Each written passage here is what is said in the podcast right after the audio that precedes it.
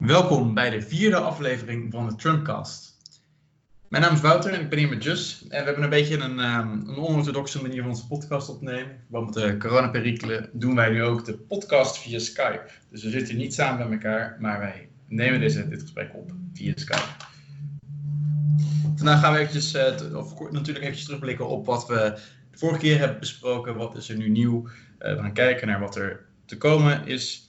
En wat, er, uh, wat we aan luistervragen hebben binnengekregen. Dus uh, Just, wil jij het spits afbijten? Yes. Uh, eerst onze voorspellingen van uh, vorige week, de, de mini Super Tuesday die we hebben gedaan. En ook de daadwerkelijke uitkomsten. We hadden enerzijds hadden voorspeld dat de zuidelijke staten richting Biden gingen. En dat zijn Mississippi en Missouri.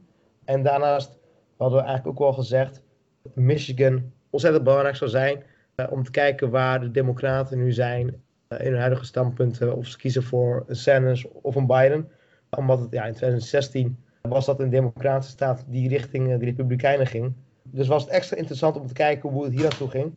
We hadden voorspeld dat het heel dichtbij zou zijn en dat Sanders eigenlijk met de overwinning aan de haas zal slaan. Maar uiteindelijk heeft Biden gewonnen in de staat Michigan met een verschil van 20 gedelegeerden. Er gingen 72 richting uh, Biden en 52 uh, naar Sanders.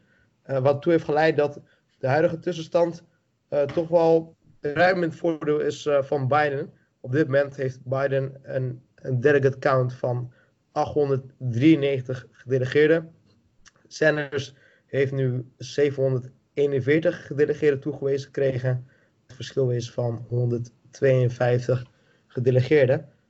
Dus het wordt nog vrij spannend uh, in wat er, wat de komende dagen zal gebeuren. Uh, maar extra spannend is wat er vanavond gaat gebeuren in een, nog een mini Super Tuesday. Waarbij er wordt gekozen in Arizona, Florida en Illinois. Uh, die op dat moment hun voorkeur gaan aanwijzen voor een, voor een kandidaat. En Wouter, wat denk jij ervan? ja, allereerst zou ook eigenlijk Ohio vanavond nog aan de beurt zijn, maar die gaat in verband met het coronavirus gaat dat uh, niet door. Dus in die andere staten is het, natuurlijk een beetje riskant. Maar, uh, maar toch hebben ze besloten daar de, de huidige, de, de lokale gouverneurs om het toch door te laten gaan. Uh, nog eventjes terugblikken op uh, Michigan is inderdaad wel een, schokkend resultaat dat Biden heeft gewonnen. Maar ook dat voornamelijk uh, Washington, wat toch een behoorlijk liberale staat is, dat daar Sanders ook niet heeft gewonnen. Biden daar ook heeft gewonnen. Dus dat eigenlijk alleen maar in North Dakota dat Sanders de overwinning heeft gepakt. Ja, dat is toch, toch vrij teleurstellend voor de, voor de Sanders campagne. En vanavond staan dus inderdaad, zoals je aangeeft, Arizona, Florida en Illinois op de agenda. En helaas ziet het er waarschijnlijk niet heel veel beter uit voor Sanders. Uh, dit, deze staten zullen waarschijnlijk allemaal naar Biden gaan. En met name uh, Florida en uh, Arizona zijn staten waar het, waar op doorgaans toch vrij republikeins wordt gestemd. Het is altijd een beetje. Het zijn allebei swing states. Wat betekent dat ze beide kanten op kunnen gaan. Maar dat zegt vaak wel wel over het electoraat waar het, waar het gemiddeld een beetje naartoe neigt. En ik, eh, ik denk dat uh, zeker Arizona en uh, Florida naar Biden zullen gaan. En Illinois zit, zitten ook wel veel blanke middenklasse mensen op, Chicago naar, waar natuurlijk heel veel uh, zwarte mensen zitten. Maar ik denk toch ook dat, dat Illinois, de, waar, waar president Obama vandaan komt, dat Biden daar al een stapje voor heeft op Sanders. Dus alles zal naar, naar Biden gaan in mijn, in mijn visie. Wat denk jij zelf? Ja, dat is wel een interessante take. Uh, met name omdat in Florida toch heel veel, heel veel boomers zitten. Uh, heel veel mensen die met pensioen zitten. En die zetten gewoon redelijk uh, terughoudend in het stemmen op een revolutionair. En die toch wel kiezen voor een veilige kandidaat. Die van een kandidaat die Trump zou, zou kunnen, kunnen verslaan. althans in hun optiek. ik ben alleen niet eens met Arizona ik zie in ieder geval dat Sanders het goed doet met, uh, met de Latino-gemeenschap. Als je kijkt naar, ja, naar wanneer hij ontzettend goed heeft uh, gescoord. Uh, voor mij heeft hij in Texas is het wel redelijk close gebleven tussen Biden en, en Sanders. waar toch weer een andere Latino-gemeenschap is in vergelijking met Nevada. maar zelfs in het Republikeinse, of in ieder geval het vrij conservatieve Texas, heeft hij toch wel um, ja, redelijk weerstand geboden aan, aan, aan Biden. dus ik denk wel dat, dat hij Arizona zal winnen. maar Arizona is zeker niet de grootste prijs. Het is ja, de, de, de, drie na grootste prijs. de grootste prijs is natuurlijk Florida en Illinois. Um, ja, is, nummer twee. En daar kijken ze toch wel met nostalgie richting, uh, richting de jaren onder, onder Obama. En zie je ook bepaalde verbondenheid tussen Obama en, en Biden. Um, dus ik denk wel dat het positief zal uitvallen voor, voor Biden. maar dan zal van daaruit zal het ja, ontzettend lastig worden voor Sanders om daar verandering in te brengen. En dan moeten we langzamerhand gaan voorbereiden op een um, ja, kandidaat vanuit de Democraten, wat dan Biden zal zijn. Ja, dat, dat, die kans is natuurlijk wel vrij aannemelijk. Uh, langzaam, zeker na vanavond, als inderdaad Biden weer het grootste deel van de, van de gedelegeerde pakt, is de kans vrij, vrij groot dat Biden inderdaad de kandidaat zal worden namens de Democraten. Misschien voor de luisteraars interessant om te weten dat uh, na Californië en Texas, volgens mij Florida de, de, de grootste staat is qua inwoneraantal en dus ook uh, de derde staat is qua totaal aantal gedelegeerden dat er te winnen valt. Ik, uh, ik snap overigens je punt uit Arizona wel, over de, de Latino's, daar waar, uh, waar Sanders toch de, de topgroep bij doet inderdaad. Uh, maar het zal een beetje een, een trade-off zijn. Dat aan de ene, kant heb je veel Latino's, waar die wel populair is. Aan de andere kant wel veel republikeins-achtige achtige mensen. Dus dat is eigenlijk wat eigenlijk ook geldt voor, voor Florida. Volgens mij zijn de prognoses dat, dat ook Biden Arizona zal pakken. Dus het zal, zal, er, zal wellicht wat spannender worden in Arizona, maar ik, ik denk toch dat, dat alles naar, naar Biden zal gaan. En Ohio is volgens mij twee weken uitgesteld. Of heb jij, ik weet niet precies wat dat ook weer, in hoeverre, in hoeverre dat nog op de, op de dichte, dichte, in de dichte toekomst is. Maar Ohio zal waarschijnlijk ook naar Biden zijn gegaan. Want ook, ook Ohio is een, eh, is een swing state. Dus, een staat waar het, eh, waar het altijd heel close is tussen Republikeinen en Democraten. Het zijn allemaal van die, van die staten waar, waar, waar het, het, soort van licht conservatieve karakter van een Biden-kandidaat veel, veel aanspraak vindt. Ja, helemaal mee eens. Goede punten, inderdaad. Um, daarnaast willen we samen de luisteraars ook bedanken voor hun, voor hun vragen en ook voor, voor hun support voor deze podcast. Uh, we vinden ontzettend gaaf dat jullie naar ons luisteren. Uh, dus vandaar dat we ook vragen willen, willen beantwoorden.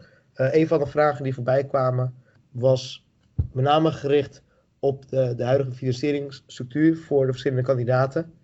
Um, en we zullen wat dieper ingaan op de twee kandidaten die het beste voor staan voor de, voor de democratische kant. Dat zijn in ieder geval dan nogmaals Biden en, en Sanders. Sanders die ook promoot dat hij vooral veel donaties ontvangen vanuit de, wat kleinere inkomens. Um, en eigenlijk Biden die ook voor langere tijd moest doen met heel weinig financiering. Hè, die eigenlijk tot aan de eerste Super Tuesday toch bijna tegen de afgrond aan, liep uh, qua financiën. maar die het ontzettend goed heeft opgepakt daarna. Um, als we wat verder gaan in de analyse en laten we dan beginnen met, uh, met Joe Biden. Uh, in totaal hij op dit moment uh, nou ja, 68 uh, miljoen uh, dollar ja, weten te, te verwerven vanuit de, de, zijn campagne. En daarnaast ook nog eens um, ehm, 8 miljoen vanuit de andere donoren. Dus in totaal zit hij op een bedrag van 76 miljoen. Um, dus dat is wel een, wel een mooi bedrag. En wie zijn dan de, de mensen die hem, die hem steunen? Uh, nou, vanuit zijn campagne uh, heb je een van de super PACs. Dat is een groep van donoren die gezamenlijk ja, geld doneren aan een. Um, nou, hoe leg ik dat eigenlijk goed uit? Misschien dat jij het beter kan doen, Wouter. Een super PAC. Een super, een super PAC is een political action committee. Eh, wat in feite een soort verzameling is van belangengroepen. Dus het kunnen, kunnen bedrijven zijn, of dat kunnen, of dat kunnen NGO's zijn, of dat kunnen, het kunnen van allerlei soorten organisaties zijn. Het is niet per se het, uh, het kwaad zelf, het is niet per se een, een, alleen maar bedrijfsbelangen, bedrijfsbelangen die daar een rol spelen. Maar het is bijvoorbeeld een super PAC, kan bijvoorbeeld een groep uh, groep uit de, wapen, de wapenlobby zijn of, of, of, of, iets heel anders. Het, kan alle kanten op gaan. Maar dit, dit zijn in feite grote erkende donatiepilaren. Dus dat, nou, gek genoeg, je zou zeggen, Amerika is een heel ontransparant land. In Nederland is het vaak lastig om inzage te krijgen in, in lobbyactiviteiten en hoeveel geld er wordt gegeven aan politie. Want je mag ook niet zomaar geld geven aan, aan politici.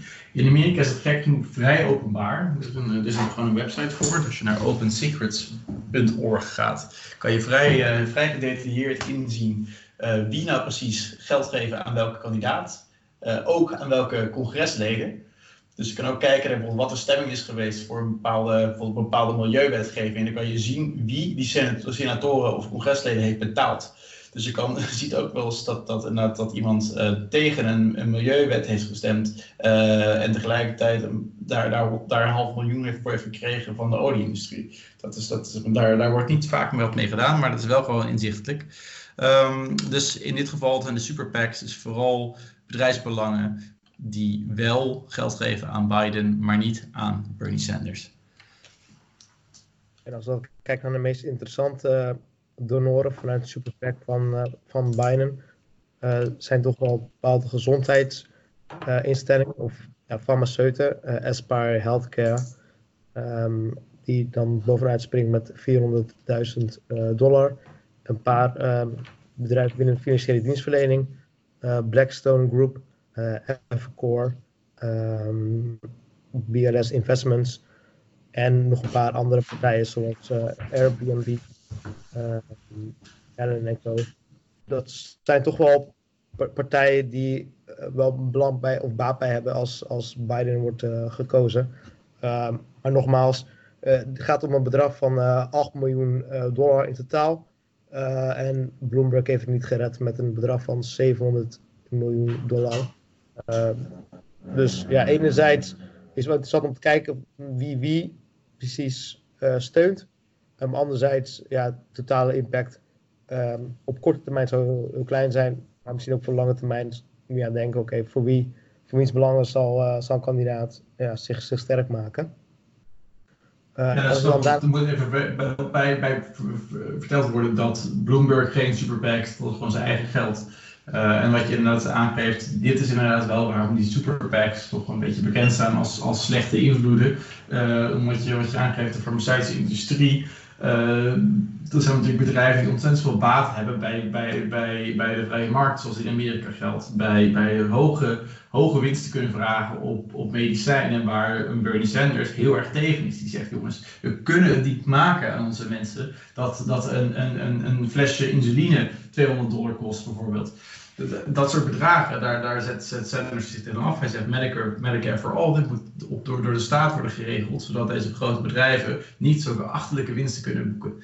Uh, en, en, en, Joe Biden spreekt zich hier veel minder fel tegenuit. En dat, dat valt dan ook gedeeltelijk terug te, uh, terug te zien in wat, wat voor bedrijven hem steunen. Dus dit is een beetje die kritiek op de superpacks. En daarom heeft Bernie Sanders besloten om dit niet alleen dat, dat bedrijven hem niet willen steunen, wat ze ook misschien niet willen, maar hij heeft ook gezegd: ik accepteer, ik neem dit geld niet aan.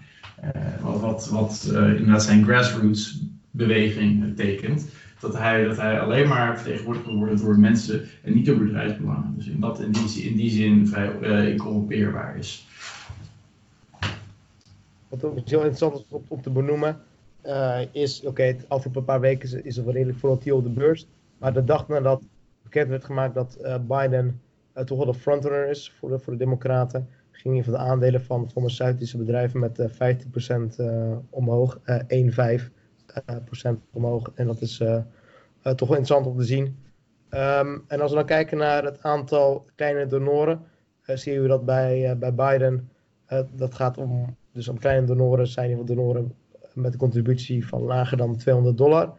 dat daar 36%, iets meer dan een derde, uh, van de donaties onder de 200 dollar zijn.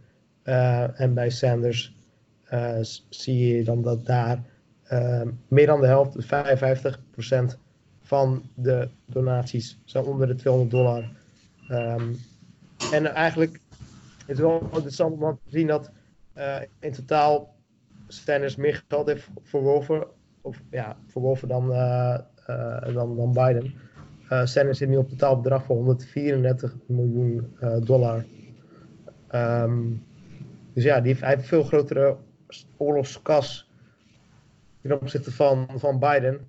Ehm, maar het is eigenlijk niet te geloven natuurlijk, hè? dat je, dat je uh, ik, vind het, wel vrij mooi om te zien dat toch, toch de mensen die echt er belang bij hebben, die echt baat bij hebben, die hem dan uh, vanuit eigen portemonnee Bernie Sanders steunen. En dat Joe Biden, die in, de, toch meer bedrijven vertegenwoordigt in dit verhaal, dat hij minder te besteden heeft.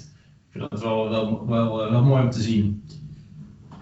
Ja, eigenlijk is een bepaalde contradictie, hè? want eigenlijk zou je aan, aan de cijfers moeten zien dat Sanders toch wel meer opkomt voor de belangen van, van de mens versus, versus Biden. Maar dat toch Biden voorstaat in, ja, in het aantal gedelegeerden. Dus er is toch wel iets anders wat kiezers beïnvloedt. Ja. Puur het is niet alleen geld. Nee, het is niet alleen geld. En dat is misschien ook wel weer, dat geeft je dan weer een, een rijtje hoop in, in de Amerikaanse politiek. We hebben, het, we hebben het over gehad over de, over de rol die media speelt natuurlijk in, in hoeveel, hoeveel zendtijd ze geven aan bepaalde kandidaten. Die het ontzettend kan beïnvloeden hoe, de, hoe kiezers stemmen. Maar het is dan wel, dat is dan nog het media-narratief, dat kan natuurlijk veranderen. Het, in ieder geval dat het geld maar, maar een gedeeltelijke rol speelt. Dus wat we ook bij Bloomberg zagen, zagen die wel heel veel geld te besteden, dat maar alsnog geen, uh, geen harten van kiezers kon veroveren. Ik vind dat, ik vind dat toch wel een, een, prettige, een prettig gevoel in, in democratie. Ja, het is toch wel een fractie hoop. In ieder geval. Dat, geen, uh, dat we niet richting de democratie gaat. Dat, dat we rijke democratie kunnen kopen. Nee, nee, precies. En dat is, dat is niet zo heel vanzelfsprekend. Goed, dat, um, dat betekent dat we de volgende, de volgende podcast zullen wat uitgebreider ingaan op beleid. Dus we hebben het nu vooral, vooral gehad over wat is er de afgelopen tijd gebeurd en wat gaat er nog komen. En we hebben nu brug geslagen naar hoe worden die campagnes gefinancierd en wat is daar het uh, resultaat van. Aankomende podcast zullen we bespreken wat nou echt de beleidsverschillen zijn. Daar zijn we bij Bernie Sanders al gedeeltelijk op ingegaan, bij Joe Biden wat minder. Maar dit, zeker nu het eruit gaat zien dat hij de, de, de kandidaat gaat worden voor de Democraten, moeten we daar ook eventjes jullie over informeren. En dat zullen we dus de volgende podcast doen. Dus tot de volgende keer. Bedankt voor het luisteren. Ja. En tot snel. Dank voor jullie vragen. Wanneer je blijf gewoon vragen sturen. Yes. En vergeet ook niet te volgen op Twitter, TrumpCast2020.